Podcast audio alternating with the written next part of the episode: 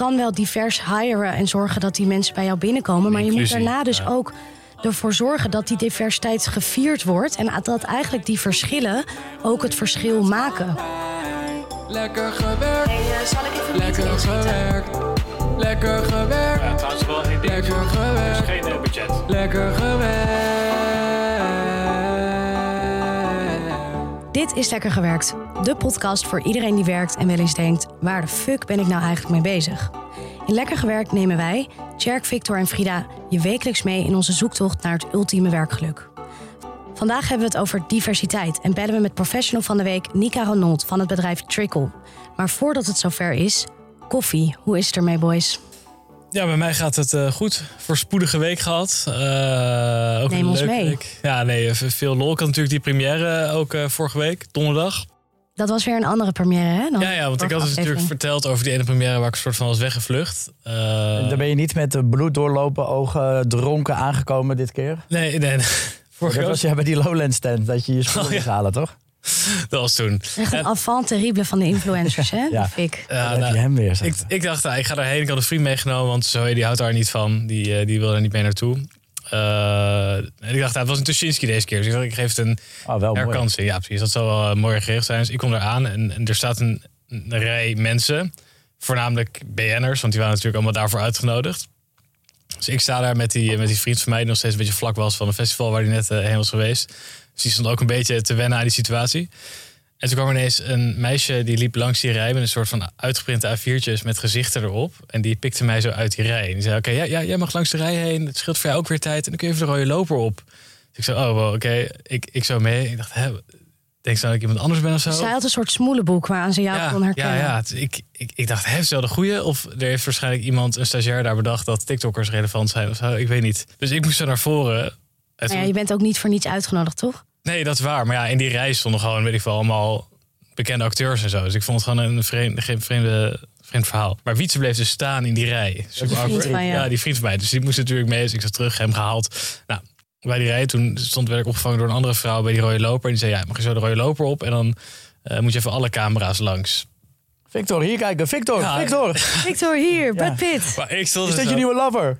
Waar is Zoe? Zo erg, ja. Goeie vragen. Is het al een echte vriendin of steeds een soort van vriendin? Nee, dus ik, ja, ik, vond- ik dacht, oh mijn god, bij mij nou? Maar ik, ik deed gewoon alsof ik alles heel normaal vond natuurlijk. En toen op een gegeven moment ging die loper op. Maar, het stond, heel erg was- van act normal, act normal. maar die fotograaf die stond natuurlijk gewoon te wachten op Chris van Houten en Patty Bart en zo. Weet je, die, die stonden ook beetje naar mij te kijken van wie is deze knul. En ik stond daar ook een beetje, ja, ik was daar neergezet. Ik, ik dacht, ja shit, weet je, wel, ik heb drie van die fotograaf gepakt. Dus zag ik RTL ook al staan aan de hoek. En ik, die keek even ook niet, let ook niet op. Ik dacht, ja, ik ga niet nu heel erg mijn best doen hiervoor. Dus ben ik ook wel... Je weer weggevlucht? ben toch Via de weer- wc weer naar buiten. Ja, maar als je ergens voor- wordt neergezet, dan moet, er, dan moet de aandacht er ook zijn. Ik ga er niet... Je hebt ook je eigen wapen. Jij hebt ook je camera. Het is camera tegen camera. Een soort van Precies, misschien kan je wel een TikTok maken op de rode loper. nee, nee, ik vind TikTok... mensen zien hoe dat is? Ik weet niet hoe dat voelt. Ja, TikToks in het openbaar, dat, dat zit er nog even niet in. Eh, dat doe ik lekker thuis nog. Maar het was wel een, vette ervaring. Het was echt wel cool om een keer... Want vorige keer was die première dus niet zo heel nice geregeld. En voelde ik een beetje ongemakkelijk. En deze keer was het wel echt leuk. Ook leuke mensen ontmoet. Leuk drankje gedaan. Het was allemaal goed geregeld. Spannende film, mooie zaal. Eh, dus het was wel een veel betere experience dan de vorige keer. En wil je dit vaker doen? Ja, zeker. Ja, ik vond dit wel echt, eh, echt leuk. En het is ook wel goed voor me, denk ik, om even dit soort dingen te doen. Want ik vind het toch nog lastig om in het echte leven geconfronteerd te worden met wat ik allemaal doe op internet. Maar ik heb wat, eh, vorige keer noemde je dat al. Toen had ik een vraag, die heb ik toen niet gesteld. Maar er is een soort van, ja, ben ik al een BN'er-dilemma, laat ik het zo noemen. Eh, kijk, Carice van Houten, die herkent iedereen. Maar op een gegeven moment zit je volgens mij op zo'n punt van... Kent Carice ma- van Houten mij nog wel of niet? Ik vraag me eens af, als twee bekende Nederlanders elkaar in het restaurant tegenkomen... knikken ze dan naar elkaar Oh van, ja, precies. Ja, bijvoorbeeld eh, Robert en? Brink en Carice van Houten... die knikken Ja, waarschijnlijk ja, wel naar hoi. elkaar. Misschien, is ook, Zeg je dan gedag of wanneer is het punt dat je denkt... oké, nu, nu herkennen ze mij? misschien is wel een bepaalde groet. Net zoals de motorrijders, die doen zeg maar hun handsteek zo laag op. Misschien Ja. hebben BN'ers ook wel iets, dat, ze- dat ze bepaalde groeten naar elkaar. Maar, Dus zodra je die goed weet, dan hoor je er Dan hoor eigenlijk je bij bij. de kern, ja. ja. maar nee, ik heb nog niet het idee, idee dat ik... eh, nou, het is ook weer lastig. Ik was laatst voor wel eten in Epe, na Lowlands. Epe is een dorp op de Veluwe. En ik ging daar eten met Lowlands. en ben daar gewoon drie keer herkend door mensen op straat. Terwijl het dorp is echt 10 vierkante meter. En toen dacht ik wel echt van wow, het is wel echt... Je hebt soms die eten alleen een beetje mensen in Amsterdam zijn of zo om je heen. Maar het is wel echt... Zelfs in Epe. Ja, En wat vind je daarvan? Epe. Ja, ik vind meestal wel gewoon leuk. Soms denk je wel van, oh my god, zeg maar, je voelt je een beetje bekeken. En als je, ja, ik vind het lastig soms om er alleen ergens heen te gaan. Weet je wel, stel ik heb iemand afgesproken in een kroeg en ik ben er een kwartiertje eerder, dan voel je iets meer bekeken of zo. Weet je wel, dan denk je van, oh nu mensen, denken mensen ineens, oh hij zit er alleen. Maar Ah, en, en zou je dat erg vinden als mensen denken hij zit er alleen? ja, nee, maar je voelt je gewoon, het gewoon awkward als je het idee hebt dat er misschien allemaal mensen jou ergens van herkennen. Dat is toch, je zit er dan minder relaxed dan als je er zou zitten, normaal gesproken. Zeg. maar. Dus nu, omdat je drie keer bent herkend, heb je nu altijd het idee dat mensen jou herkennen. Nee, want als daarna ging ik naar Den Haag eten. Er was ook gewoon elke kroeg die ernaar inging. En elke kroeg was wel iemand die weer iets zei. Dus het gebeurt heel veel eigenlijk. Ja, ja, ja. ja. Eigenlijk moet je gewoon van tevoren dus zo- zo'n smoel, zeg maar, je foto sturen naar het restaurant van ik kom. Dan weten ze dat je komt. Dat is en dan kan awkward, je hè? eruit worden gepikt, weet je wel. Dat is erg. Die, Of hem de, gewoon altijd geprint meenemen. Dat je bij de bar zo afgeeft van dit de ik. influencer die zelf restaurants benadert. Om inderdaad... te- Nou, wat ik wel grappig vind, ze hebben dus vaak acht in de keuken van restaurants hebben ze de foto's van de recensenten daar hangen, weet je Ja, wel, ja, van de van de Volkskrant, zodat altijd. ja. precies, zodat als iemand eh, zoals zo'n recensent binnenkomt, dat Ja. gelijk wordt opgemerkt van hé, hey, dit is een VIP, die Ja. moeten we heel goed behandelen en die moet extra lekker eten krijgen. Jongens, dit is Fik. Precies, die moet extra lekker eten krijgen. Oh, weet je, was dus ook in Den Haag. Ben ik bijna vergeten te vertellen. Maar ik was dus uitgenodigd in een hotel. Dan mocht ik een nachtje gratis slapen als ik een story zou posten. Supermooi hotel, de Collector Had in ik Den Haag. gezien, maar ik zag wel allemaal awkward hashtags. Toen dacht ik, oeh, Fik, past dit wel ja, bij die je? moesten erbij. Maar ik dacht, ja, voor een storytje doen we niet moeilijk. Eh, maar ik kwam er dus binnen. Nu als een ziel aan de duivel verkopen, hè, die jongen. Potverdorie. Maar het was een supermooi hotel, heel nice. En we kwamen binnen en toen nou, ingecheckt. En wij gingen naar die kamer. Eh, en ze hadden dus allemaal foto's van mij van Instagram. Hadden ze uitgeprint. En aan heliumballonnen gehangen. En die hingen dan zo boven bed. Zeven foto's van mij. Oh my random. god. Wat vond je daarvan? Wat gaf dat, Dat- je voor gevoel? Dat was wel echt raar. maar ik vond het ook wel schattig. Maar het is ook, ik dacht ook, van, wie gaat hier nou lekker op? Zeg maar, wie wonen allemaal foto's van zichzelf? Ja, misschien voel je je thuis of zo. Maar het was heel grappig, want ze hadden dus de verkeerde vrouw uitgeprint. Want ze hadden gewoon een selfie die ik ooit een keer met een vriendin heb gemaakt. Dat hadden ze Dat vind ik nou weer ook te gek. Ik dacht al, ze moeten toen zo weer met mij aan het inchecken was. Moeten ze al gedacht hebben van, oh shit, dit is de verkeerde. Maar het was Naar gelukkig kamer niet. 603, nu naar kamer 603. Trek die ginger van die blond, check die ginger Ja. van de blond, ja. Oh, wat hilarisch. Ja. Hoe is jullie week, hè, jongens? Ja, ik had wel een, een serieus weekje. Want twee weken geleden liep ik nog te verkondigen dat wij niet aan eh, evaluatiegesprekken doen of performance reviews. Maar het was deze week toch zover. Eh, niet mijn initiatief. Maar mijn broer kwam ermee van, nou, laten we dat in ieder geval met de vaste krachten gaan. eh, Want had jouw broer in de podcast geluisterd of kwam die uit zichzelf met dit idee? ja, die kwam uit zichzelf met het idee. Want Wow. wa- het zijn van die dingen waar je het dan vaak over hebt, maar dan Jerk, geen dat, tijd. dat had Maar hij in de podcast gehoord, ja. hij heeft het in de podcast gehoord. We Ja. hebben heel veel invloed. Hij moet niet luisteren, want ik soms. eh, ik heb nog wel eens gezegd dat. nou, ik heb nog wel eens iets over gezegd over zijn planning, waar hij hard op moest lachen achteraf. Dus ik, eh, sindsdien de praat ik wat aardiger over als je luistert. Nee, dus we hebben die, eh, hij had het bedacht, we gaan die, die gesprekken voeren. Dus we hadden met wat vaste krachten hadden we ja, wat, wat tijd opgezet. Ja, ook wel echt benoemd van, weet je, we hebben het heel lang niet gedaan. Het is ook niet per se om, en niet om je af te branden, maar het is echt een gesprek van wat kan er beter om gewoon rustig te zitten. Dus dat ging aan de ene kant heel erg goed. Eh, waar ik op een gegeven moment toch, ik voelde hem al aankomen, waar ik toch een beetje in ben getrapt, is ehm, ik heb toch de sandwich methode Nee. ja, niet, niet zo keihard, maar je voelde gewoon, oké, je gaat eerst positief. Nou, dan heb je een paar verbeterpunten. En op een gegeven moment kon ik toch niet, dacht ja, toch eindigt weer met nog een Ja, ik snap het wel. Ik snap het ergens wel. Want je hebt zo'n gesprek inderdaad met iemand. En je begint gewoon, hey, hoe gaat het? Leuk, leuk, leuk. Tegen iedereen heb je ook wel iets te zeggen. Maar je hebt ook niet iemand de kutgevoel naar buiten gaat. Ja, Dus aan het eind rond je misschien toch wel leuk af. Deze ja dus weet je, Terwijl misschien... we toen die sandwichmethode met elkaar collectief hebben afgevakkeld. onder leiding van nu- Tjerk. Ik weet het, het was Ja. misschien druk, maar ik, ik, ga er, ik kom er ook gewoon voor uit. Het maakt me niet uit. I love de sandwich methode. Wow, Wauw. Wow. Nou, ik vind het wel even Ja. een paradigma shift. het, is niet, het was niet zeg maar zo, er zo'n duidelijke opzet, maar ik voelde gewoon, ik voelde gewoon, het is nog niet rond. En het was pas rond toen, ja, toen ik een sandwich van had gemaakt. En die heb je daarna lekker verorberd. Ja. Toen heb ik daarna in de prullenbak gegooid en toen eh, hebben we ze ontslagen. Maar er- dit is een heel leuk grapje, ontslagen. Maar er kwam dus een, een ja, vrij verdrietig nieuwtje nog in, ehm, ja, in een van die gesprekken. En dat is dat een van onze vaste werknemers, er ook echt een topper, dat die, ehm, die gaat er vandoor. En ja, ze werkt in de huishouding en ze werkt in de bediening. En je zou denken, ze gaat naar een ander, eh, ja, ander hotel. Maar dat is niet zo. Maar ze gaat voor een carrière switch. Oh joh. Alle afleveringen komen ineens. Het is toch, we hebben het er vorige week over gehad. Maar ze- al jouw werknemers luisteren, zijn gewoon trouwe Ja. trouwe Ja, ik had zo gezegd, niet luisteren. Ook niet die salarisonderhandelingen. Allemaal gewoon niet luisteren. maar er zitten toch een paar mensen tussen die niet, ja, die niet naar mij Wat luisteren. gaat ze doen? Ja, ze, gaat- ze wil op een kantoor gaan werken. Dus ergens bij een bouwbedrijf en dan gaat ze dan op kantoor werken. Dus ja, ik ben heel benieuwd. Even de fysieke arbeid eruit. eh.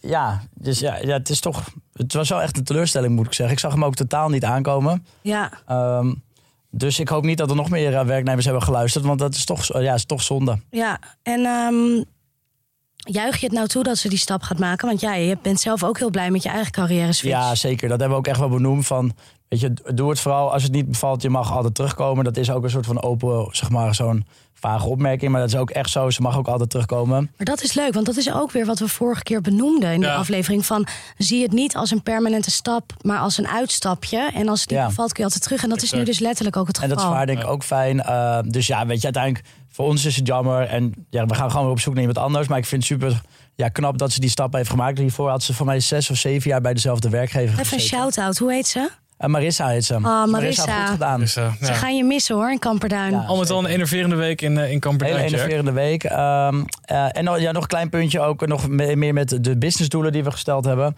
Is eh, tijdens een van die performance reviews hebben we ook. We hebben een, werknemer, zij, zij deed altijd van die yoga retreats. Dus meerdaagse yoga. Ja, want ze is parties. yogadocent. Ja, ze is yoga docent. Ehm, dus ja, ik dacht, hoe kunnen we ook haar nog blijven uitdagen? Dus eigenlijk wil ik gaan kijken of ik met haar misschien in januari, februari iets van die yoga weekenden kan gaan. Jeetje. Mina, een yoga-retreat onder de sterren van Oh. Kamperduin. Ja, Dus dus we hebben nu star parties, we krijgen yoga parties. het gaat alle kanten We op. krijgen allemaal soorten parties. Vorige week Het is ook wel belangrijk om, te, om een beetje te prioriteren. Ja, nee, ik heb Ja. eigenlijk. Volgende week kom ik wel met, mijn, eh, met een top 3, denk ik. Ik heb wel een richting en dan ga ik ze gewoon allemaal uitzetten. Ik sta voor de yoga niche. Vorige week voor het eerst gedaan. Helemaal geweldig. Ja? Ik, ben er, ik ben erbij. Oh, nou, dan ben jij. eh, dan, mag, je- oh, dan nodig ik jou Als uit. TikTok-ster. TikTok-ster. Dan, leg ik de, dan hang ik overal je foto's op. Ja, en van wildvreemde vrouwen. Van mij op zo'n matje. Ja. Oké, In de- nou, dus de dat. Lonely eh, Wolf eh, positie. Maar wat leuk. Ik eh, merk echt dat je heel erg aan de gang bent met je werkdoel. Ja, zeker. Dus, en het allerleukste is ook. Het is niet eens actief de hele tijd. Maar er komen allemaal dingen op mijn pad waarvan ik denk: oh, dit kan interessant zijn voor, eh, voor het werkdoel. Je hebt het gewoon gemanifesteerd en het komt nu helemaal op je af. Komt allemaal naar me Via het universum. Ik voel het. Hey, Frida, jij, jij zit er wat minder uh, jovel Ja, jullie bij, horen eh, het ook een beetje aan mijn stem, of niet? Ja, ik zie het vooral aan je kop. En jij, Oh. jullie horen Frida alleen Ja. maar. Frida zit ook in een soort van joggingpak. Zit ze hier. Nee, dat is niet waar. Het ziet er hartstikke leuk uit. Ik dacht, als je je leuk aankleedt, dan voel je je vaak ook wat beter. Ik ben net terug van vakantie. Ik ben een paar dagen naar Kroatië geweest met eh, vrienden. Naar een festival. En eh, dat was hartstikke leuk. Maar ik moet zeggen, ja, ik ben gewoon geen twintig meer. Dat festival was vijf dagen. Ik heb een aantal dagen daarvan ook overgeslagen, omdat ik het gewoon niet aankon. Nachten overgeslagen of dagen overgeslagen? Nee, Oh. dat ik gewoon niet naar het terrein ging. En dat ik Ah. gewoon lekker in het appartement eh, heb gechilled. Vijf dagen is ook wel heftig. Ja, en ehm, nou ja, ik voel me gewoon echt heel erg krokant. En vandaag gewoon natuurlijk weer eh, moeten starten qua werk. En ik En- dacht, en echt, hoe krokant, ga ik dit wat, managen? eh, Krokant van Krokant? uitgedroogd. Ja, gewoon. gewoon nou, krokant is gewoon dat je denkt van, ik ben niet brak, want ik heb al een paar dagen niet gedronken. Maar ik heb gewoon nu het gevoel van, ik ben nog niet fit. algemene leeg. Terwijl eigenlijk wil je als je terugkomt van vakantie, ja, weet je wel, ik heb er zin in. Ik ga het gewoon helemaal eh, de boel op zijn kop zetten op kantoor. Als je op Ah, op zich vind ik dit ook niet per se een vakantie. Het is weer gewoon... Vijf dagen niet? Nee? Vijf dagen feesten. Het is, het is ontspanning. Het is een Nee, vakantie, maar het is klopt. geen ontspanningsvakantie. Dat klopt. Is- Nou ja, en toen eh, ging ik dus vanochtend vroeg een koffietje drinken. Ik dacht, als ik vroeg opsta en ik begin even lekker met een wandelingetje in de zon... en ik drink koffietje, dan ben ik er wel weer bij. Toen las ik een stuk in het Parool over de vakantieblues. Nou, dat klonk in één keer heel erg herkenbaar voor mij. En eh, dat zat hem in... eh, ik zal even een klein stukje voorlezen. Er zijn onderzoekers die de bron zoeken in de aanmaak van stofjes. Als we in de vakantie leuke dingen doen met onze dierbaren, maken we gelukshormonen zoals dopamine aan. Maar eenmaal terug in het ritme van thuis, zakt de productie van dit soort hormonen weer in. Dus als je niet meer het vooruitzicht hebt van een hike door de bergen of van een seks on the beach aan de hotelbar. En ehm, uit Duits onderzoek is ook gebleken dat werknemers die langzaam opstarten, langer profiteren van de positieve effecten van de vakantie. Dus ook een tip die daarbij kwam was. Het is beter om na je vakantie op vrijdag te beginnen met werken. Want dan heb je daarna gelijk weer een weekend, voor Weekend, de deur. En dan is het even langzaam inkomen. Ja. Ja. Of alvast, ik weet niet of je dat gedaan hebt, je volgende trip plannen. nou die is dus alweer aanstaande vrijdag. Hè? Hè, maar Ja, dan nou ga een ik een heel kort dan? weekendje weg met een vriendin naar Parijs met de trein. Sorry, je hebt gewoon vakantiestress. Je hebt geen Ja, je kijkt er niet vrolijk bij. Kijk er ook, nou, nu denk ik ook van, oh jeetje, wat heb ik dit dom gepland. Is die inderdaad. vriendin? Lara. Lara, ze heeft er geen zin in. Nee, jawel. Ik heb wel heel veel zin om met Lara weg te gaan. Maar het voelt nu nog even erg eh, strak ik. op Zijn met. Thalys? Ja, Ah, lekker eh, wijntje erbij. Ik ging, ik ging- aan denken. ik ging ook vlak naar Wildeburg op vakantie. En en toen dat was ook geen goede, goed idee. Ik, heb, ik kon gewoon niet meer uitkijken naar die vakantie. Toen ik eenmaal was, fantastisch. Maar die drie dagen ervoor dacht ik ook alleen maar van... oh mijn god, gaan we weer, weet je wel. Ja, dus er moet wel voldoende tijd tussen Ja. zitten. Ook een goede Maar. Frida, ehm, Victor en ik gaan je deze aflevering eh, misschien een beetje ontzorgen, er doorheen slepen. Ja. Ehm, Oh, kan, op jullie kan ik rekenen, hè, mijn collega's. echte collega's. Two shoulders to cry on. Hè? ik in godsnaam goed personeel. Ik eh, zal even een meeting inschieten, guys. Dit seizoen van Lekker Gewerkt maak ik, Frida Boeken, speciaal voor jou ook een extra serie met gevraagd advies van experts. Vind je diversiteit belangrijk, maar weet je eigenlijk toch niet zo heel erg goed waar je moet beginnen om er iets aan bij te dragen bij jou op de werkvloer? Dan zit je vandaag goed. Ik zit hier vandaag met Nadine Ridder, onder andere trainer op het gebied van diversiteit en inclusie. En vandaag gaan we het hebben over diversiteit. Het kan ook zo simpel zijn als dat je, weet ik veel, even bij de bakker een serieus een gesprek met iemand aangaat. Weet je wel, met de bakker zelf dan bedoel ik. Ja, Eh, dat je gewoon vraagt van, hé, hey, waar kom je vandaan? Hoe heb je dit opgezet? Weet je, wel, dus het gaat echt heel erg over intrinsieke interesse in, eh, in andere mensen. Want we zijn, vooral in Amsterdam, zijn we gewoon zo geneigd om ons in allemaal ja, afgesloten bubbeltjes te begeven. Terwijl ja, je kan gewoon gesprekken voeren met alle lagen van... eh, iedereen die je wil. ja, Ja. ja. Vandaag hebben we het over diversiteit. En ik dacht, laten we even beginnen met wat stellingen. Oeh. Vinden jullie dat het restaurant Spaghetteria alleen maar mannen in de bediening mag hebben? Dit was namelijk tot voor kort zo. Vrouwen werden daar eh, eigenlijk altijd geweerd. Dus die stuurden wel een sollicitatie op, eh of cv, maar die werden dan vervolgens niet uitgenodigd en werd eigenlijk gezegd van ja, wij hebben nu eh, geen krachten nodig. Ja. En dan werkten daar alleen maar mannen. Als op die manier wordt gezegd, als echt wordt gelogen... of we hebben geen krachten nodig... in plaats van te zeggen, hey, we zijn gewoon een beetje een toko... waar een beetje het concept is dat, dat er chicks komen eten... en de, en de mannen de bediening doen. Ja, het is Want lastig. dat Je is moet- het daar ook echt. Ja, ik- hè? Van die mannen werken daar. En die vrouwen komen daar eh, ook een beetje om met die mannen te flirten. En die mannen flirten ook altijd enorm maar het moet, moet wel duidelijk zijn natuurlijk. Want je gaat ook niet in een, in een stripclub... eh, als er allemaal gasten komen solliciteren... Ja, als je die op de bar zet...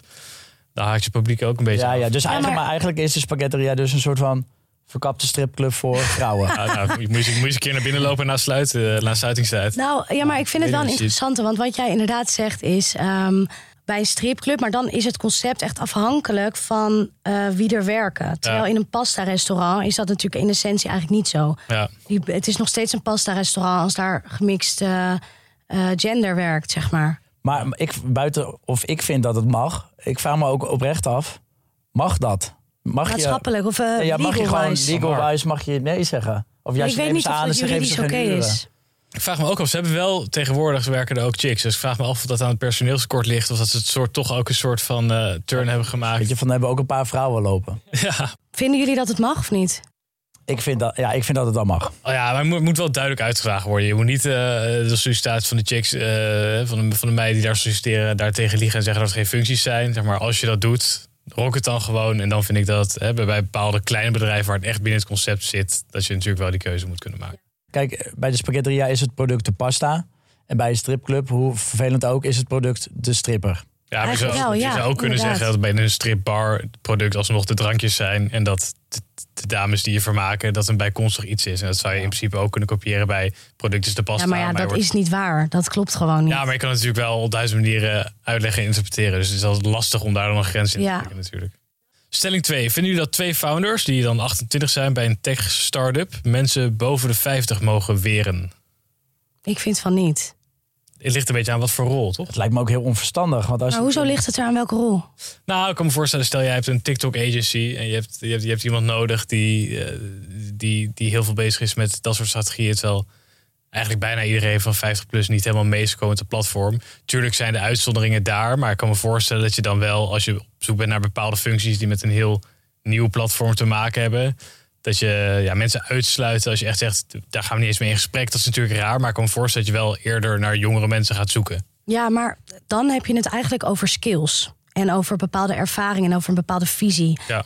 Terwijl als je zegt van er zijn twee programmeurs en ze kunnen precies hetzelfde programmeren. En je hebt eentje van 28 en eentje van 50 bijvoorbeeld. eh, mogen ze dan op basis van leeftijd die ene af laten vallen? Ja, dan gaan ze waarschijnlijk meer voor cultural fit. Kijk, als, ze, als ze allebei dezelfde skills hebben, wat, ja, wat zou kunnen, maar misschien met zo'n leeftijdsverschil wat onwaarschijnlijk is. Maar als ze het allebei hebben, dan zou je kunnen zeggen: oké, deze jongere persoon past beter bij, ja, bij onze cultuur. Ja, En is dat dan slecht?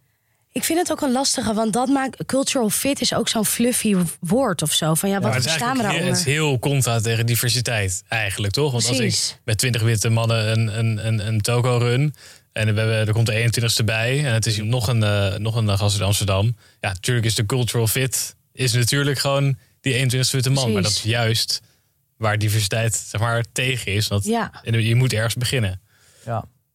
We hebben nu deze stellingen besproken. Wat is diversiteit voor jullie? Nou, het goede in deze stellingen vond ik... Hè, heel veel mensen denken dat diversiteit... of denken tenminste het, belang, het grootste punt... wat het meest besproken wordt in onze maatschappij... wat met diversiteit te maken heeft... is toch kleur en cultuur. Terwijl eh, het gaat natuurlijk ook om, om gender... het gaat om eh, seksuele voorkeur... maar ook inderdaad om leeftijd, waar we het net over hadden. Dus ja, ik denk dat het is mega breed... maar daarom ook heel lastig. Ja, ik, ik vind dat ook een. eh, het is ook heel terecht dat wat je noemt van er zijn eigenlijk zoveel verschillende factoren die meespelen bij diversiteit. Want diversiteit bestaat ook bij de gratie van verschil. Dus het gaat ook niet om één punt. Nee, Alleen eh, wat je wel ziet in Nederland krijgt natuurlijk kleur vaak veel aandacht. En dat heeft natuurlijk ook een reden, omdat we op het gebied van kleur gewoon nog heel erg achterlopen. eh, in veel bedrijven, maar ook in winkels waar je binnenloopt en zo. ja. En ja, voor mij gaat diversiteit ook heel erg over. Nou, ik vind het in ieder geval het verschil tussen diversiteit en inclusiviteit ook zo belangrijk. Dus eh, ik had een keer een mooie metafoor gehoord. Diversiteit betekent dat je uitgenodigd wordt op het feest en dat iedereen eigenlijk uitgenodigd wordt, ondanks alle onderlinge verschillen. En inclusiviteit gaat erover of je ook je vrij genoeg voelt om te dansen op dat feest. en dat iedereen je zich vrij je genoeg voelt om te in de dansen. gesprekken. Ja, en precies. Inderdaad, ja. Want bij, bij Booking, als ik daar even naar terug moet eh, eh, refereren, daar. Moet, dat moet. Nou ja, ik wil het liever vaak over de huidige situatie hebben, maar ik denk dat eh, over het hotel. Maar ik denk dat Booking een heel goed voorbeeld van is. Een Booking zat heel erg op, bovenop die diversiteit en inclusiviteit. En dat, ja, dat merkte je ook helemaal in de bedrijfscultuur. Een voorbeelden van? Ehm, ja, nou, we hadden best wel video's, bijvoorbeeld van die trainingen, online trainingen die we moesten volgen. Ehm, over grapjes maken op de werkvloer. Wat je wel of niet kon zeggen. Dus aan de ene kant lag het er soms een beetje dik bovenop. Dat het constant benoemd werd, was iedereen best wel bewust volgens mij van wat wel of niet kon. En dan heb je nog diversiteit. Dat kan ja, inderdaad van alles zijn. Dat kan zelfs ook als je gekke hobby's hebt of maakt niet uit. Eh, als de basis maar is van dat het niet wordt benoemd de hele tijd. Dat er grapjes over worden gemaakt. Dat mensen zich veilig voelen om, om anders te zijn. Ja. Ehm, want als je het over diversiteit hebt, ja, dat kan op heel veel grote en kleine eh, gebieden. Ja. Uh, maar dat hadden ze daar echt heel goed gedaan. En ja, weet je, hier er waren mensen echt uit, uit best wel oh ja, verre landen waar misschien homoseksualiteit niet eens werd geaccepteerd. Die kwamen bij Booking daar misschien voor uit. Maar sommigen waren ook, zijn in transitie gegaan. Die deelden dat allemaal op de online pagina's, eh, zeg maar intern. Die waren er heel erg uitgesproken over. Dus je zag Oh. daar dat er een hele veilige eh, omgeving was. Um, dus soms slaat het een beetje door. Maar zij had het echt heel, uh, heel goed Maar kan het eigenlijk doorslaan? Vind ik niet. Nou ja, kan het doorstaan? Ja, misschien, misschien ook niet. Uh, maar misschien is het als je, als er gewoon bepaalde boodschappen worden uitgedragen, maar dat, je ziet het inderdaad niet op de werkvloer, dan slaat het een beetje door als een soort PR-tool. Terwijl nu zag je dat het echt in de cultuur van het bedrijf echt Ja, erin maar dat, is, zat. dat is altijd lastig. Ah, want ik kan me voorstellen, kijk, in dit voorbeeld dan werkt het heel goed. Maar ik kan me ook voorstellen bij eh, dat misschien wel met hetzelfde scenario en dezelfde acties. Het anders had kunnen uitwerken en dat het als het minder gedragen wordt echt binnen het bedrijf zelf, dat het een beetje voelt als oké, maar, er is één team die heeft die filmpjes gemaakt, dat wordt naar iedereen rondgespamd, iedereen moet die training doen en klaar is Kees. Ja. Ehm, Nou, kijk, dat is denk ik ook het, het belangrijkste met diversiteit. Je kan wel divers hiren en zorgen dat die mensen bij jou binnenkomen. Maar je moet daarna dus ja. ook ervoor zorgen dat die diversiteit gevierd wordt. En dat eigenlijk die verschillen ook het verschil maken. Dus dat je daardoor ook tot betere resultaten komt met, Ja. met z'n allen. Want het is wel echt bewezen dat als je verschillende visies hebt, verschillende culturen, verschillende geaardheden, dat je ook verder komt in wat je bedrijf wil bereiken. Omdat je daar ook beter in bent om een zelf een groter publiek eh, aan te spreken met je product of dienst. Want dat is ook wel het. Weet je, als je net het voorbeeld van die, van die tech startup en Booking is dan iets meer dan 20 jaar oud. Ja, zij hebben gelijk, best wel vroeg ook, echt voor de, denk, de, de golf, zijn ze heel erg met die diversiteit aan de gang gegaan. En het zit nu zo erg bijna in het DNA. Dat krijg je er niet meer uit. Terwijl zo'n biergigant. Ja, die zijn Ja. op een hele andere manier gestart. Die moeten gewoon een hele cultuuromslag maken. Klopt. Uh, in dat opzicht hebben de, de, de nieuwere bedrijven daar wel een stapje voor in. Ja. Mits ze dat vanaf moment één ook ja, zorgen dat het uh, wordt geïntegreerd in de dagelijkse gang van zaken. Want anders ben je later alsnog weer. ja. Ook voor kan stellen dat bij Booking dat er heel veel verschillende soorten mensen werken. En bij de biergigant was er waarschijnlijk ook wel zo. Maar dat is toch, denk ik, een heel groot deel Nederlands. Groter dan bij Booking. Ik denk hoe, hoe meer expats je hebt, inderdaad mensen al van verschillende afkomsten, hoe makkelijker het is ook natuurlijk om te implementeren. Dan als je bijvoorbeeld de, de ja, heel raar voorbeeld, maar die visboer hebt. Dat zijn echt allemaal mensen uit Volendam. Ja. Dan wordt het ineens heel raar als je er iemand bij neemt die eh, ja, niet uit Volendam komt gewoon ook bij de van nature bijna. Ja, bij nou, kijk, ik denk ook, bedrijven. want als je bedrijf al heel lang bestaat, is het heel moeilijk om iets te veranderen. Ja. Omdat je al heel veel mensen hebt binnen het bedrijf die misschien wel uit een bepaalde homogene groep komen. En als jij een nieuw bedrijf bent, dan kan je eigenlijk van scratch een cultuur creëren. En daar kan je heel bewust mee bezig zijn. En dat is bijna makkelijker, denk ik.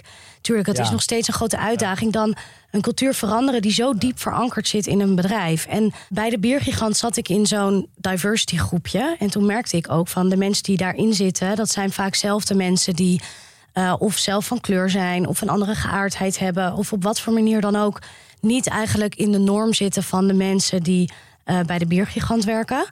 En eh, als dat de mensen zijn die op de barricade springen voor diversiteit, dan mis je eigenlijk een bepaald draagvlak in de organisatie van eigenlijk de grootste groep mensen, namelijk de mensen die gewoon Ja. bij de norm horen. Ja. En dan mis je bondgenoten. En dan wordt het eigenlijk een soort van ja, hele erge strijd in de marge die niet uiteindelijk echt impact gaat maken. En dan zeggen heel veel mensen van: oh ja, goed dat jullie je daarmee bezighouden.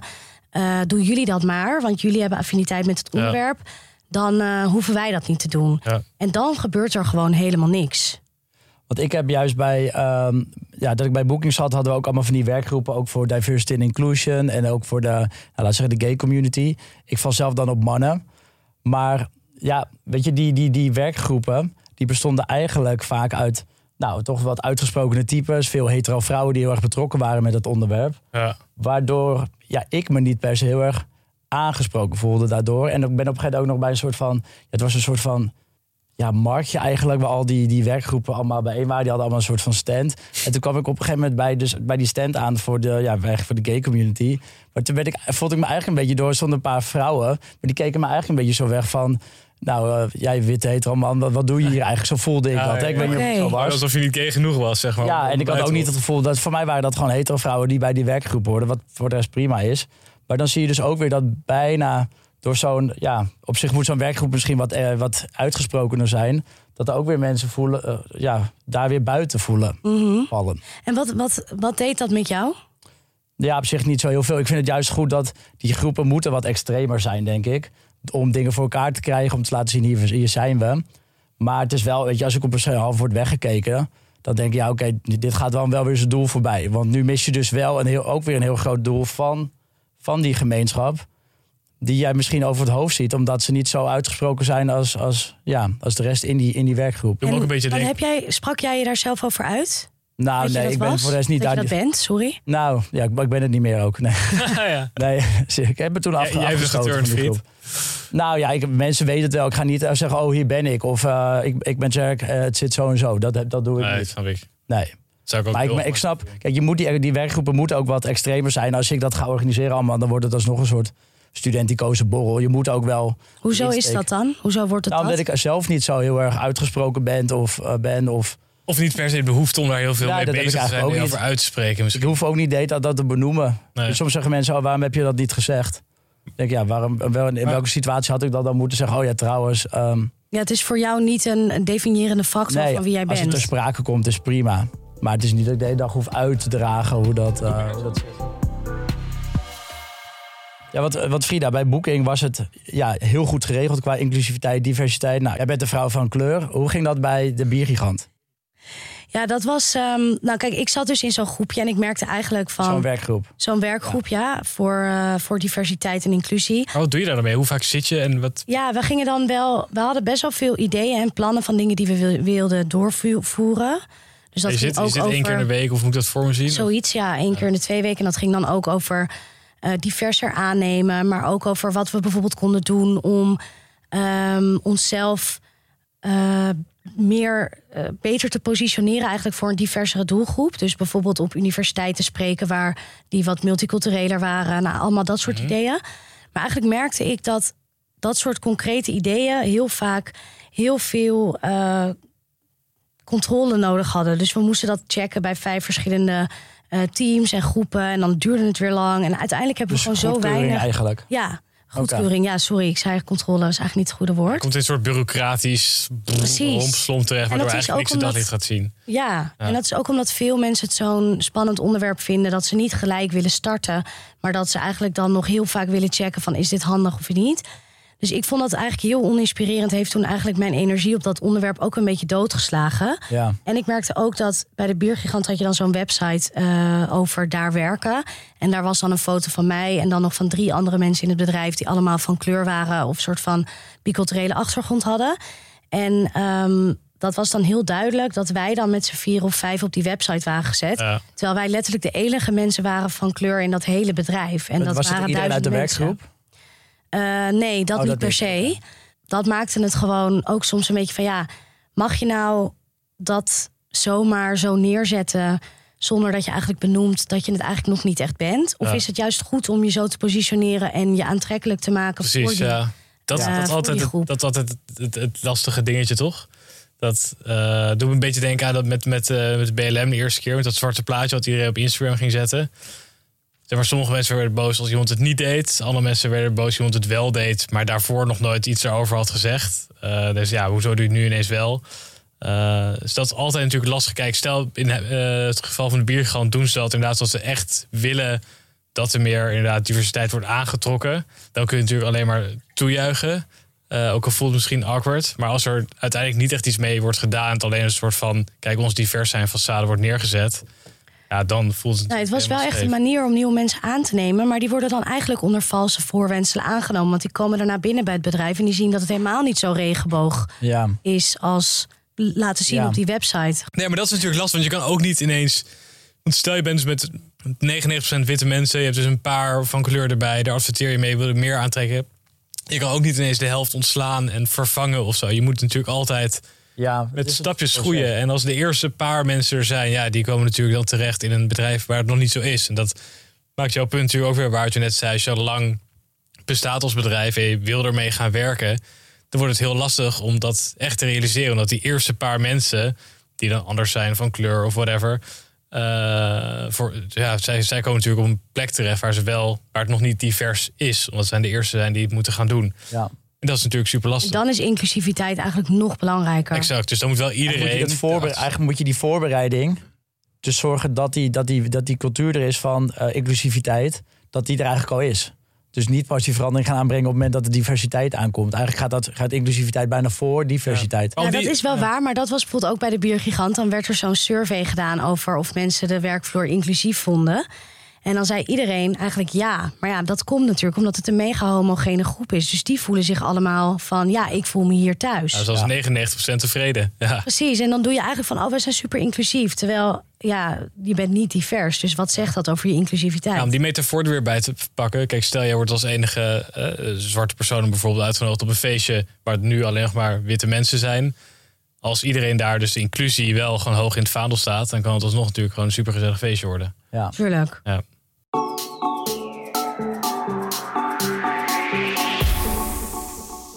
Boys, deze week is onze sponsor natuurlijk weer het Probeer de Bond op Insta, onderdeel van CNV Vakmensen. En die hebben we deze week een vraag gesteld weer via de DM. En die vraag was: wat moet je doen als je het idee hebt dat je gediscrimineerd wordt in een sollicitatieprocedure? En de Bond heeft weer heel snel antwoord gegeven, toch, Fik? Die, hebben, die waren er als de, als de kippen bij. Nou, de vakbond gaf als antwoord dat zij een signalerende functie hebben. eh, en dat ze werken met veel verschillende organisaties. Eh, dus je kan vooral bij ze aankloppen als je het gevoel hebt dat je gediscrimineerd wordt tijdens je sollicitatie of je werk. Want in je eentje is het lastig om een complex onderwerp als diversiteit op de kaart te zetten.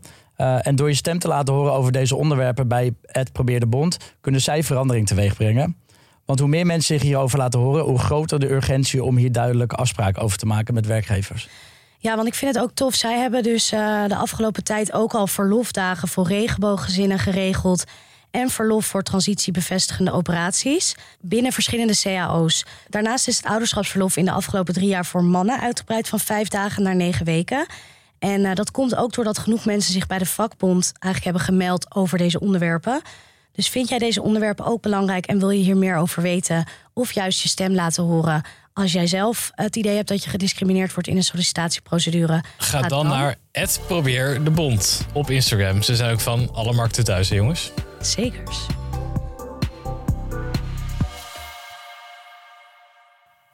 En we hebben deze week een professional van de week. Dat is deze week Nika Renault van het bedrijf Trickle. En de missie van Trickle is om bedrijven te helpen aan een diverse en inclusieve werkvloer. Dus laten we haar even bellen om te horen hoe ze dat aanpakken. Professional van de week.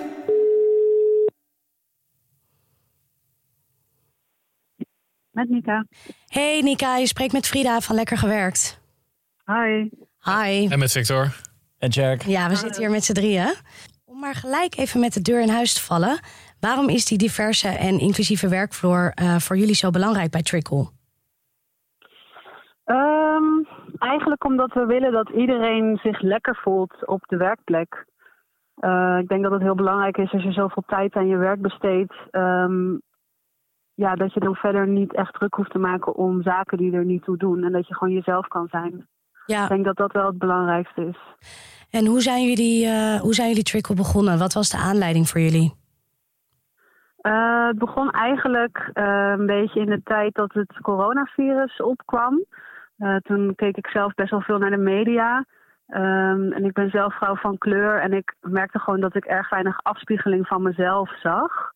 En als ik er echt over na ging denken, dan ja, realiseer je je dat dat überhaupt in grotere bedrijven niet het geval is. En ik keek voornamelijk naar NPO, BBC en CNN. En ondanks dat het in eh, ehm, Groot-Brittannië en Amerika ook nog niet zo heel erg lekker loopt op dit onderwerp, merkte ik toch dat ze daar wat verder waren in het bieden van deze representatie dan in Nederland. En, en hoe pakken jullie eh, dat aan dan? Eh, nou, je hoort heel vaak, ja, ze zijn er niet of ze solliciteren niet. Of, en ik denk, ze zijn er wel. Eh, dus we hebben een platform ontwikkeld waar anoniem solliciteren mogelijk is. Zodat eigenlijk de ja, factoren die er wat ons betreft niet zo toe doen. Dus bijvoorbeeld eh, gender of eh, woonplaats, nation- nou ja, nationaliteit, achtergrond, culturele achtergrond of religie. Ehm, ja, waar dat allemaal geanonimiseerd wordt. En dat je dus een soort gelijk speelveld creëert voor iedereen. En ja, de kans op een sollicitatiegesprek gelijk trekt. Ja, want ik heb in, eh, in het eerste seizoen wel eens benoemd dat ik ja, liever geen, eh, in mijn bedrijf liever geen pasfoto's wil op de eh, sollicitatiebrieven. Ehm Ja. Stel je voor dat ik geen gebruik maak van een platform zoals die van jullie. Kan ik dan ook echt expliciet vragen om dat niet toe te voegen? Of hoe zit dat? Ja, uiteindelijk kan dat natuurlijk, maar je zal het nog wel met een e-mailadres moeten versturen.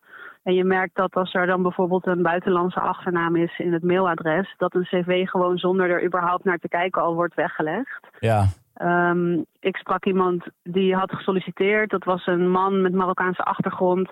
En hij kreeg een mailtje met eh, eh, bedankt mevrouw.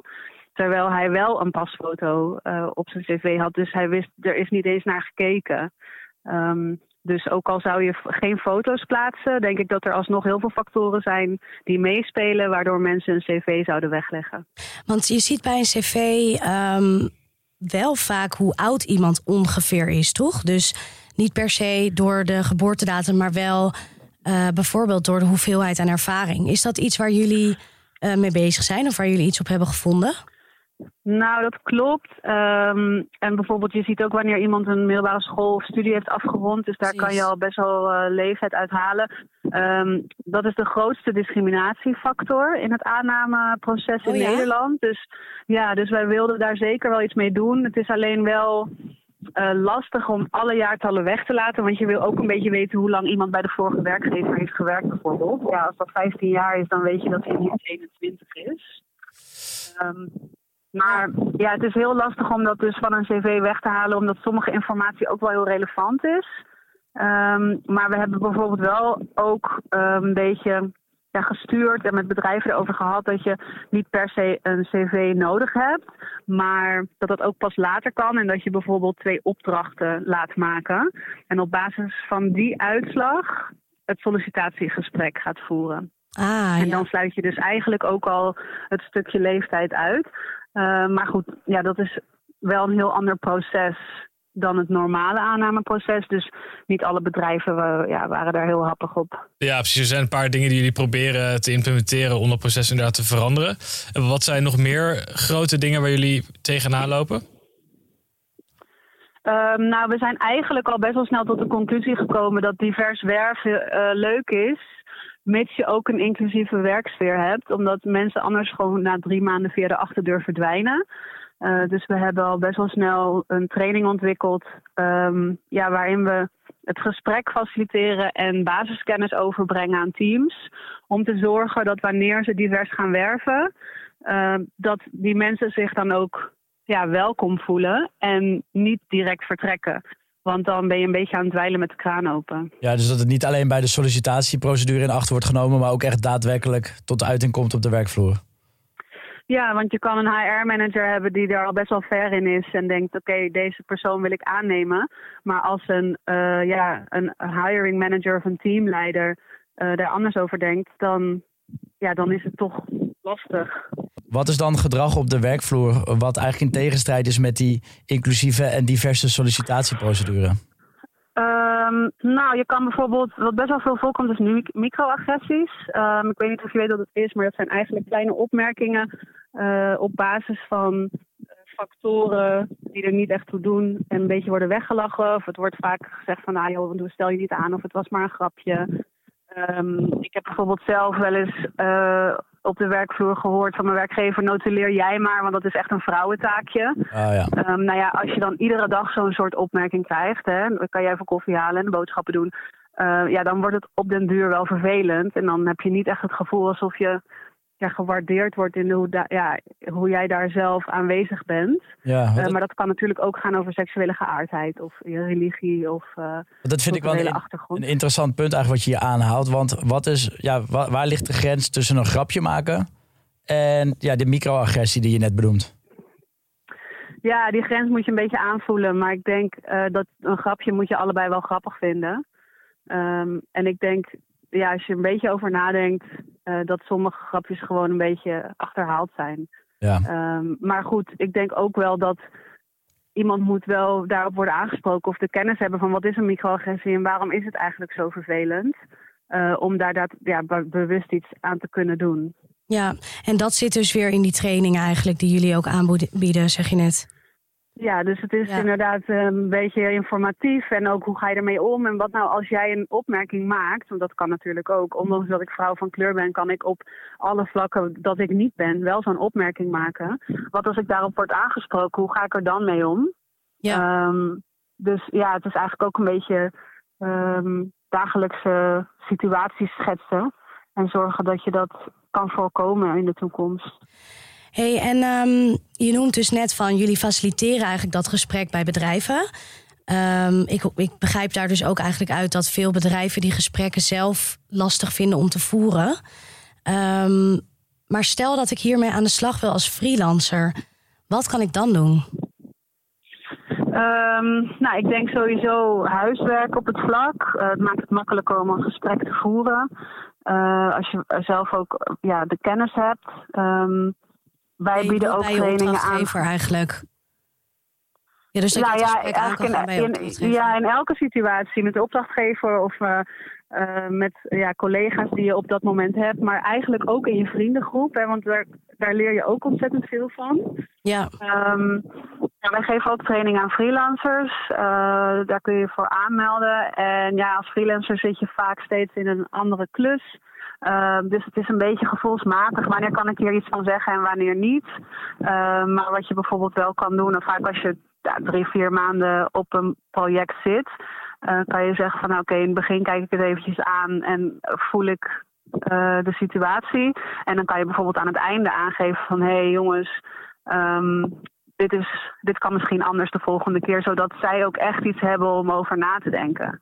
ja dus bijvoorbeeld Ehm. bepaalde grapjes die gemaakt worden daar bij die klus... of eh, aannamebeleid op andere freelancers of zo. Ja, bijvoorbeeld, ik sprak iemand die is eh, reclameproducer en die, ehm, ja, die heeft soms, krijgt zij de opdracht van een werkgever, nou we willen graag een diverse reclame, dus er moeten allerlei soorten poppetjes in. Ehm, maar dan krijgt ze een team voor de productie en dat bestaat uit twintig ja, witte, cis, uh, hetero mensen. En dan denkt zij, ja, je kan het allemaal wel divers willen, maar dan moeten we dat ook doortrekken.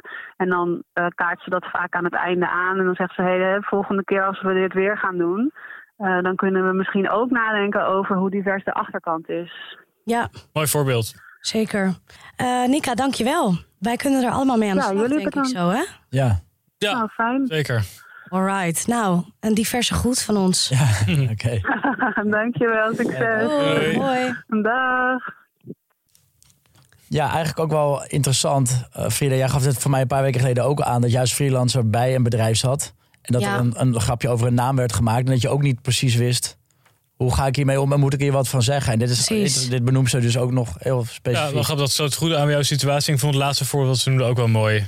Over zo'n productie. En dat is natuurlijk eigenlijk, ja, daar gaan we het wel eh, hebben we het meer over gehad in deze aflevering. Maar bedrijven inderdaad heel erg proberen zo divers te zijn. Maar er eigenlijk inderdaad in dat voorbeeld de hele achterkant eh, over het hoofd zien. Dat ze Ja. juist heel erg met dat plaatje bezig zijn. Terwijl inderdaad de realiteit. Nou, het is wel grappig, want dat is echt iets waar we bij de biergigant ook wel eens expliciet kritiek op hebben gekregen. Dat we dan in een commercial eh, vanuit een ander. Vanuit, ik, ik was er niet verantwoordelijk voor zelf, maar dat daar heel veel mensen van kleur in zaten. Dat het een hele mooie diverse groep was. Maar eigenlijk de mensen die aan de achterkant verantwoordelijk waren voor die reclame. Dat helemaal niet waren. En dat je dan Ja. dus eigenlijk te koop loopt met iets wat je niet bent. Ja. Ehm, dus dat is wel tricky. En ik denk dat je daar eh, ja, scherp op moet zijn. Ja. Zijn jullie nou nu actief bezig met diversiteit op werk? Voelen jullie daar een eh, bepaalde verantwoordelijkheid? Nou, ik werk nu helemaal alleen. Ehm, dus ja, ik heb daar heel weinig ben ik daarmee bezig. inclusiviteitsscore op kantoor? 100% Ja, het is alleen maar hetero, cis, witte mannen, helaas. 100% score. 100% scoren. Wauw. Maar, Heel ehm, teleurstellend. Ja, het spijt me jongens, ik kan er heel weinig aan doen. Eh, ja, ik maak soms content wel over dingen. Ik heb bijvoorbeeld over eh, met Pride afgelopen keer heb ik een aantal TikToks gemaakt eh, waar ik kritiek gaf op eh, campagnes van eh, bedrijven die in mijn ogen een beetje Pride misbruikten. Dus rainbow washing eigenlijk. Ja, Of pinkwashing, rainbow pinkwashing. pinkwashing. Ja, ik ben altijd een beetje bezig met actueel. Dus is niet dat ik dat echt bewust heb gedaan van... ik moet als eenmansbedrijfje Victor moet ik iets gaan doen voor diversiteit. Het is gewoon iets wat, ik, wat mij opvalt op straat, wat ik lees, wat ik zie, waar ik op reageer. Waar ik kritisch naar kijk. Maar het had net zo goed iets anders kunnen zijn. Zet het op de kaart. Want nu eh, ben je nog, ja, die groei voor, zeg maar, je bent nog voor de groei. Precies, ja. Dus Ik, wees een boeking en wees geen biergigant, want je, je bent eh, aan de beurt zo meteen. ja. Ja, nou, het is wel. Je had natuurlijk ook op een gegeven moment zo'n eh videootje over cultural appropriation van Vondel Jim. ja.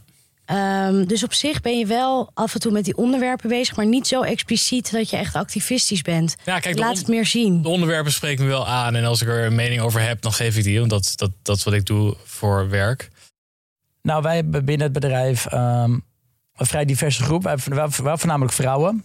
Dus mijn broer en ik en mijn vader. We hebben nog onze klusjesman eh John. Die hebben volgens mij heb ik ook wel eens genoemd. Voor de rest zijn er veel vrouwen. Maar binnen die groep is het vrij, eh, vrij divers. Eh, er zijn wat, ja, wat dames gewoon uit, of en meiden uit de omgeving. Maar we hebben een werknemer uit ehm, Syrië, eentje uit Burundi. We hebben nu wat Oekraïense dames ook. Dus dat, ehm, en we hebben nog wat andere werknemers hiervoor ook gehad. Hoe doen jullie dat eigenlijk? Hoe komen jullie aan zo'n diverse groep? Nou, dat is wel interessant. Wij hebben een contactpersoon uit, uit de gemeente. En die meneer begeleidt ja, gezinnen, dus asielzoekers die echt asiel hebben gekregen, om ja, te integreren in, ehm, ja, in de gemeente. Het zijn voornamelijk eerst de mannen die, die aan het werk gaan. Maar op een gegeven moment zijn er ook wat vrouwen die bijvoorbeeld zeggen: Ik wil ook wel wat gaan doen. Eh, en vaak als dat gebeurt, dan, eh, ja, dan nemen ze even contact mee eh, met ons op. Dus dan komt die meneer met die dames langs. Dan hebben we een gesprekje, wat soms wel eens lastig is. Want de Nederlandse taal is ja, zijn ze vaak ook niet machtig, in ieder geval op het begin. Maar op die manier hebben we een vrij gemixte groep. En dat is echt wel leuk. En wat ja, de verantwoordelijkheid zit hem denk ik bij, bij mij dan... om te zorgen, als we bijvoorbeeld met z'n allen pauze hebben... dat je ook, ja, het is niet leuk, maar vraag naar de oorlog in Syrië... of van hoe ben je eigenlijk vanuit Burundi in Nederland gekomen. Want het is heel makkelijk om over koetjes en kalfjes te gaan praten. Uh, Ja, is ook, ook- als iemand de taal niet heel erg machtig is... ja, ga dan maar een keer de oorlog in Syrië bespreken. Maar het zijn Vinden juist... zij het prettig om daarover te praten? Ja, vinden ze wel prettig. In ieder geval, ze vertellen Ja. daar wel ronduit. Ja, Het het is is natuurlijk een specifiek voorbeeld, maar gewoon dat ze inderdaad naast gewoon koetjes en kalfjes ook kunnen praten over dingen die hun bezighouden. Of Ja, waar is de familie? Dus het is, weet je, het is wel op, zo, dat, is op, dat op zich wel luchtig. Ja, dus eigenlijk ruimte geven juist aan die verschillen en daar ook over hebben. Ja, Ja, dat en laat- ook van leren, dat is ook leuk. En we hadden op een gegeven moment, daar, daar ben ik misschien had ik iets sterker in kunnen zijn. we hadden op een gegeven moment twee dames die met de Ramadan meededen. Mhm. En eh, ik had toen een heel leuk idee. Ik dacht, als dan het afgelopen is en het suikerfeest komt, dan gaan we er wat omheen organiseren. Dus in mijn hoofd was het allemaal heel leuk. Maar uiteindelijk heb ik er door tijdgebrek, of misschien prioriteit, heb ik er niks mee eh, gedaan. Oh ja, dus je had helemaal het idee en je dacht, dit wordt heel leuk. En eh, Nee, ik dacht, het lijkt me leuk om dat te doen, want dat verwachten ze niet. En dan voor de gasten is het leuk. En dan, dan ja, ja, kunnen we het op die manier vieren. En dan kunnen we ook aan, aan die werknemers laten zien van, we zijn ermee bezig. Uh, maar dat is een to-do voor volgend jaar. Ah, oké. Wel, ja, ik vind dat wel echt een superleuk idee. En ook wel interessant. Want je moet het dus ook echt je prioriteit maken om die verschillen te vieren. Want het, zeg maar in een dagelijkse operatie ja, sneeuwt dat misschien ook een beetje ja, 100%. onder. Ja, En dat is bij kleinere bedrijven denk ik lastiger om daar die tijd voor te maken. Als je een HR-afdeling hebt, dan zeg je oké, dit ga je doen. ja. Um, En Frida, ben jij daar nu op, op dagelijkse basis mee bezig of ook niet? Nou, ik ben er wel um, mee bezig bij mijn vrijwilligerswerk, waar ik uh, me heb aangemeld en uh, inmiddels een aantal gesprekken heb gevoerd en ook voor aan de dat slag is dat lesgeven, toch? Nou, het is bij studiezalen, ja. Dus kinderen, uh, vooral in Nieuw-West, maar ook in andere wijken in Amsterdam, die minder kansen krijgen eigenlijk. Vaak ook omdat ze zelf een biculturele achtergrond hebben. helpen met ofwel schoolachtige problemen, maar kan ook juist zijn met inspireren over welke banen je allemaal kunt doen en daar misschien mijn eigen netwerk ook wat meer mee inzetten. Ik merk dus wel dat ik het als freelancer best wel lastig vind, omdat je vaak kort bij een werkgever zit en wordt ingehuurd, dus je bent ook een beetje afhankelijk van ze.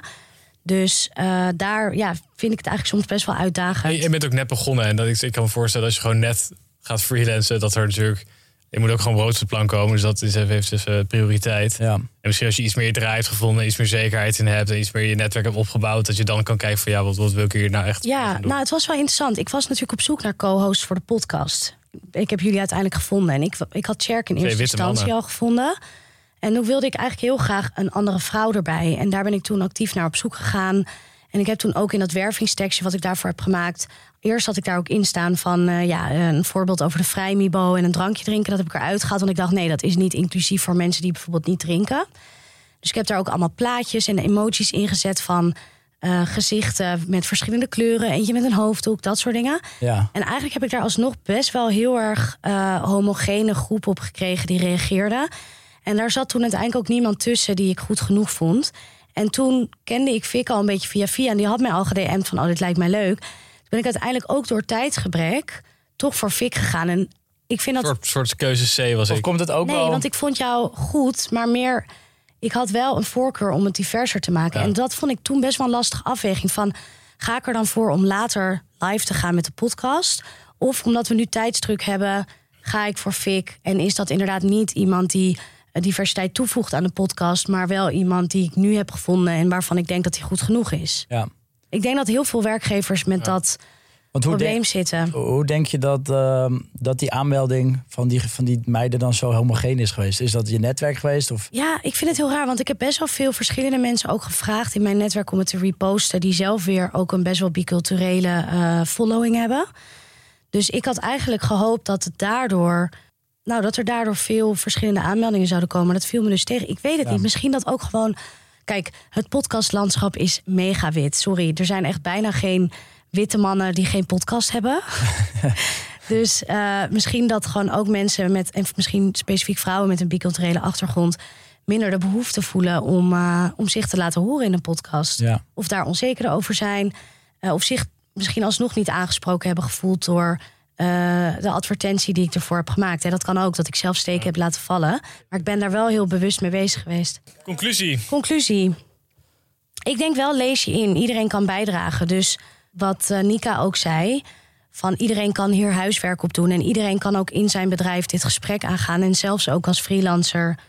Uh, kan je je steentje bijdragen. Zeker. Dus dat, uh, dat is een mooie. Iedereen kan aan de slag. Anoniem solliciteren kan uh, een, go een, goede start zijn. En een goed begin is het halve werk natuurlijk. Dus mocht je als bedrijf hier iets mee willen gaan doen... probeer eens een keer het anoniem solliciteren uit. Ja, of in ieder geval zonder pasfoto's, zoals Ja. Jerk al deed. Ja, zoals ik al had gezegd. En maak het je prioriteit om diversiteit te vieren. Uh, dus ik ja, organiseer dat suikerfeest op je werk. Ja, goeie. En zorg dat je niet alleen divers uitnodigt op het feest, maar laat iedereen zich ook vrij voelen om te dansen op diens eigen manier. Dus de inclusie, jongens. Ja. En de kleine grapjes hebben groot effect, hè? Die microagressie. Ja. Ja. het is moeilijk, er is, er is lastig echt een grens te leggen wat nou wat nog grappig is en wat niet. Maar ik denk, ja, Max is gewoon dat iedereen erom moet kunnen lachen. En, Dat vond ik een mooie. Iedereen, de beide partijen moeten erom kunnen lachen. Precies. een goede ja, maar soms, Grapjes partijen ook alsof ze lachen, weet je. Aan de andere kant ook een beetje pijnlijk worden natuurlijk. Ja, genoeg, genoeg uitdagingen in elk geval. Dit was Lekker Gewerkt, een podcast van Dag en Nacht Media. Volgende week zijn we er weer en hebben we het over coaches, werkretretes en loopbaanexperts. Het lijkt wel of je tegenwoordig echt een coach moet hebben om je werk te kunnen overleven. En iedereen is tegenwoordig coach. Hoe zit dat precies? Nou, dat gaan we volgende week even uitzoeken. Lekker gewerkt voor nu en deel deze podcast natuurlijk met al je vrienden en collega's. Doei.